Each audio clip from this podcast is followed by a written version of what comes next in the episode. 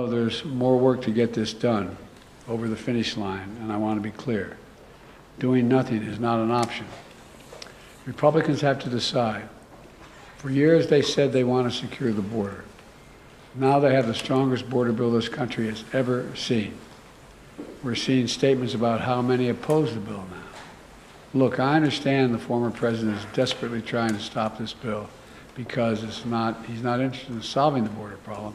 He wants a political issue to run against now. I've all but said that across the board. No one really denies that that I'm aware of.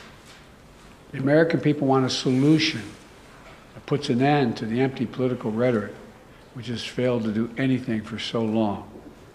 We have to get the resources to the border to get the job done. So Republicans have to decide who do they serve? Donald Trump or the American people? Are they here to solve problems or just weaponize those problems for political purposes? I know my answer. I serve the American people. I'm here to solve problems. Just months ago that Republicans were asking for this exact bill to deal with the border, to provide support for Ukraine and Israel. And now, and now it's here. And they're saying, never mind, never mind. Folks, we've got to move past this toxic politics. It's time to stop playing games with the world waiting and watching. And by the way, the world is waiting, the world is watching. They are waiting and watching what we're going to do. We can't let we can't continue to let petty partisan politics get in the way of our responsibility. We're a great nation. It's not acting like a great nation.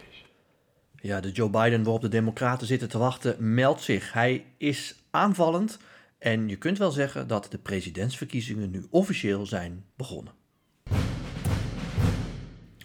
Ja, de presidentsverkiezingen zijn natuurlijk al een tijdje uh, begonnen, maar dan hebben we het over de presidentsverkiezingen tussen uh, Biden en Trump. Vannacht zijn voorverkiezingen geweest in Nevada. Nou, heel lang verhaal, ik zal je daar niet uh, alle details van geven, maar er is wat gedoe over de voorverkiezingen in Nevada. en daarom is er zowel een primary waar mensen gewoon kunnen stemmen, daar doet Trump weer niet aan mee.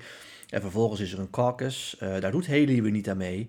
Uh, en die caucus, daar, ja, die, die punten uh, die zijn het belangrijkst. Maar het gaat om het resultaat vannacht. Ongeveer 30% van de kiezers die op is komen dagen heeft op Haley gestemd. De enige kandidaat dus.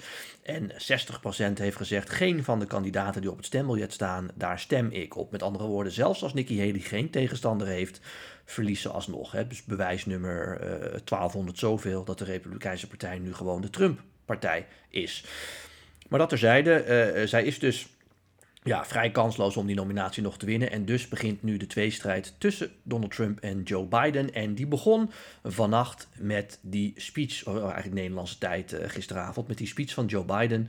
Uh, waarin hij terecht natuurlijk vanuit het Witte Huis uh, de Amerikanen toesprak. Als ik in zijn campagneteam zat, zou ik dat ook doen. Want dit is het verkiezingsonderwerp misschien wel voor de komende verkiezingen. En Joe Biden heeft daar op dit moment gewoon een goed verhaal bij. Die problemen aan de grens met Mexico spelen al heel lang. Daar is de afgelopen jaren ook te weinig aan gedaan. Zelfs democratische gouverneurs zeggen nu tegen Biden: joh, daar had je even wel wat eerder aan, wat aan kunnen doen. De kritiek bouwde zich op en ja, eh, Trump heeft daar natuurlijk terecht ook een punt van uh, gemaakt. En dus is er al een paar eh, weken geleden, voor de kerst al, door het Witte Huis uh, contact gelegd met allerlei uh, beleidsmakers, democraten en republikeinen. En is gevraagd, ga nu een uh, immigratiehervormingspakket neerzetten. Wat en flinke extra beveiliging aan de grens regelt. maar ook in de procedures het een en ander regelt. En ook gewoon hele strakke aantallen heeft. Hè, bijvoorbeeld met hoeveel mensen er per dag binnen kunnen komen. En als dat overschreden wordt, dat we direct de boel plat kunnen leggen. Dat is iets waar democraten altijd tegen zijn geweest. Want die willen tegelijkertijd dat er dan ook wordt gekeken naar hoe kun je legaal Amerikaan worden en kunnen we dat verbeteren. Dat zit hier ook wel in, maar mondjesmaat.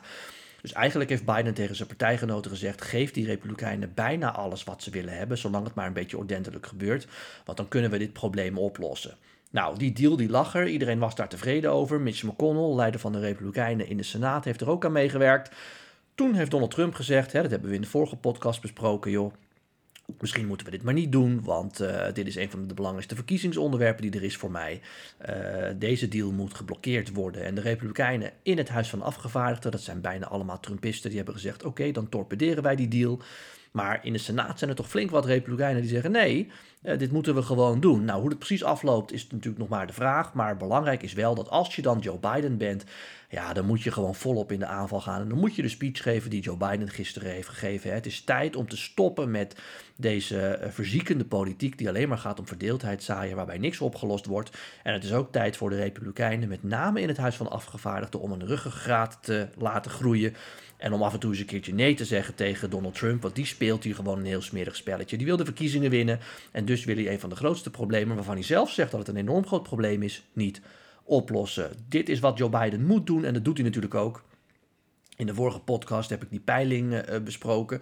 Uh, daaruit bleek voor de zoveelste keer dat er drie problemen zijn die president Biden eigenlijk heeft, waardoor hij achterstaat op Trump. De eerste is zijn leeftijd, de tweede is de economie, de derde is de eh, immigratie, oftewel het probleem aan de grens met Mexico. Nou, aan zijn leeftijd kan hij niks doen. Uh, de economie is vooral een kwestie van gevoel. Mensen moeten voelen dat het beter gaat. Dan kan hij ook niet 1, 2, 3 wat aan doen. Maar de grens met Mexico, daar kan hij wel wat aan doen. En als Trump hem dan dwarsboomt, dan moet hij daar de aanval op openen. Dus, lang verhaal kort. Joe Biden doet wat hij moet doen. Opent de aanval op Trump. Als ik hem was, zou ik dat nog veel meer doen. En ja, als uiteindelijk toch die deal er wel komt. Uh, dan is dat ook een hele mooie prestatie van hem. Dan is dat iets wat al 10, 20, 30 jaar niet gelukt is in de Amerikaanse politiek. Uh, Bush is ermee bezig geweest, Obama ook. Het lukte maar niet. Uh, en dan kan Biden ook daar weer mee de verkiezing in. Dus een goede strategie van de president. En ja, hoewel het allemaal natuurlijk een beetje magertjes overkomt in zo'n speech, want hij blijft natuurlijk die oude breekbare man, is dit wel precies wat hij moet doen. En dus is het een goede dag voor het Witte Huis. Goed, tot zover wat mij opviel. Dan naar jullie vragen. Die hebben jullie weer keurig ingestuurd via Instagram, Twitter en LinkedIn. Ja, veel reacties heb ik gehad over uh, uh, wat er allemaal aan de hand is in Texas. Uh, ja, dat komt op het volgende neer. In Texas is een, ja, die mag ik toch wel een vrij extreme groep van republikeinen noemen, maar ook wel wat breder. ook libertarians zitten daartussen. Die zijn een soort eh, beweging gestart om van Texas een onafhankelijk land te maken, om zich zeg maar af te scheiden van de Unie. Dat is op zich niet heel uniek, dat zie je vaker. Uh, Californië heeft er ook wel eens mee gespeeld. Hè? Van nou, als Amerika nog een keer Trump uh, kiest, uh, dan gaan wij gewoon. Wij, wij zijn met onze economie bijna heel, net zo groot als al die andere 49 staten bij elkaar. Veel geld gaat er vanuit Californië naar van die arme staten, arme rechtse staten als Alabama, Tennessee en ook Texas. Nou ja, Texas dan niet, maar wel die wat kleinere staten. Zoeken jullie het allemaal zelf maar uit. Dus je hoort dat geluiden wel eens vaker. Marjorie Taylor Greene, hè, congreslid van de Republikeinen uit, ik dacht South Carolina, die heeft ook wel eens gezegd, misschien is het tijd voor een nationale scheiding, dus dat de rode staten zich van de blauwe staten afscheiden, als we maar niet, tussen, niet, als we niet meer tot elkaar kunnen komen. Nou, die beweging is er nu dus ook in Texas. Dat is wat er aan de hand is. En waarom het nu wat extra in het nieuws is, is omdat Nikki Haley tijdens een uh, rally heeft gezegd: Ja, als Texas dat wil, dan moet dat kunnen. Dan moeten ze dat maar regelen. Ik ben er tegen. En uh, volgens mij gaat het ook niet gebeuren. Maar dat mogen ze altijd aanvragen. Nou, en dat gaat een beetje in tegen de geest van eh, eh, de hele Amerikaanse eh, politiek, waarbij dat natuurlijk helemaal niet in vraag moet zijn. Een staat kan zich niet zomaar afscheiden. Dat kan niet. In Europa is het natuurlijk moeilijk om uit de Europese Unie te gaan. Hè. Dat is Groot-Brittannië gelukt, maar dat is zeker niet gebruikelijk. Wordt afgeraden. Nou, doe dat keer tien en dan heb je ongeveer de situatie in Amerika. Zeer, zeer, zeer onwenselijk dat staten dat gaan doen. En ja, dat Nikki Haley dat gezegd heeft, dat bewijst vooral dat zij bang is om vijanden te maken. En tegen iedereen maar zegt van ja, ja, dat moet kunnen. Dus denk ik een hele domme uitspraak. Uh, uh, daar gaan heel veel vragen over, over die zaak in Texas. Dus uh, heb ik denk een beetje kort behandeld nu.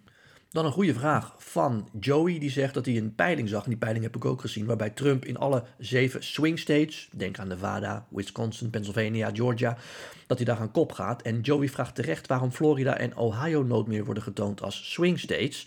Komt dit omdat Trump deze twee staten al twee keer heeft gewonnen? En zijn die dan republikeins geworden? Ja, ja, ja, eigenlijk wel. Ja, daar komt dat op neer. Uh, Ohio durf ik dan te betwijfelen, maar zeker Florida, dat is ook met de overwinning van Ron DeSantis hè, voor zijn gouverneurschap daar gewoon een dieprode staat geworden. Uh, en dus zijn dat geen swing states meer. En dat heb je altijd in de Amerikaanse politiek, naarmate er verschuivingen zijn. Hè, neem het Trumpisme. Het Trumpisme heeft ervoor gezorgd dat staten als nou ja, Florida uh, zeker geen swing state meer zijn. Die zijn nu gewoon diep rood, omdat dat gewoon een hele populaire stroming is daar.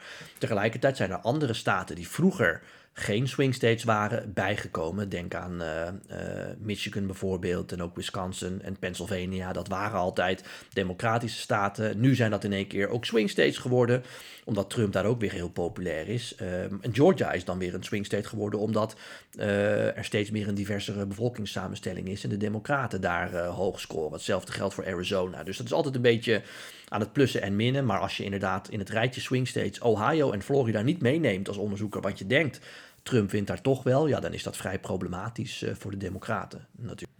Dan een vraag van Lucas. Die zegt: Beste Raymond, ik had een vraag over een eventuele nieuwe termijn van Trump. Klopt het dat als hij weer wordt verkozen, hij dan de 47ste president wordt, terwijl hij eerder de 45ste was? Ja, Lucas, dat klopt. Uh, daarom heeft hij ook van die petjes hè, met 45, maar tegenwoordig ook 47 die hij verkoopt en t-shirts en zo.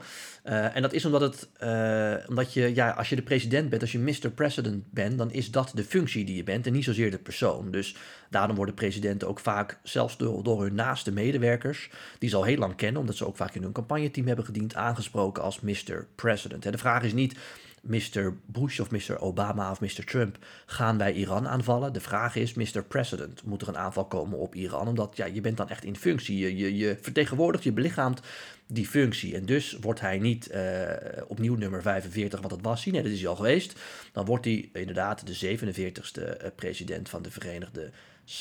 En uh, Lucas vraagt daar ook bij: kan hij dan ook weer herkozen worden of geldt het dan maar voor vier jaar?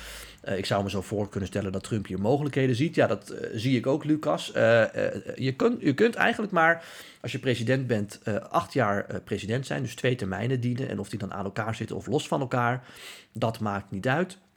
In het geval van Trump kan hij dus nog maar één termijn van vier jaar bij krijgen. Maar net als jij ben ik heel benieuwd of Trump dat zelf ook zo ziet. Tobias, uh, Raymond, vraag je voor de podcast. In 2016 ging Hillary winnen volgens de peilingen. En bij de laatste tussentijdse verkiezingen uh, werden ook een ruime republikeinse uh, meerderheid voorspeld. Maar hielden de Democraten zich toch goed stand. Kunnen we in de USA spreken van een groeiende silent majority?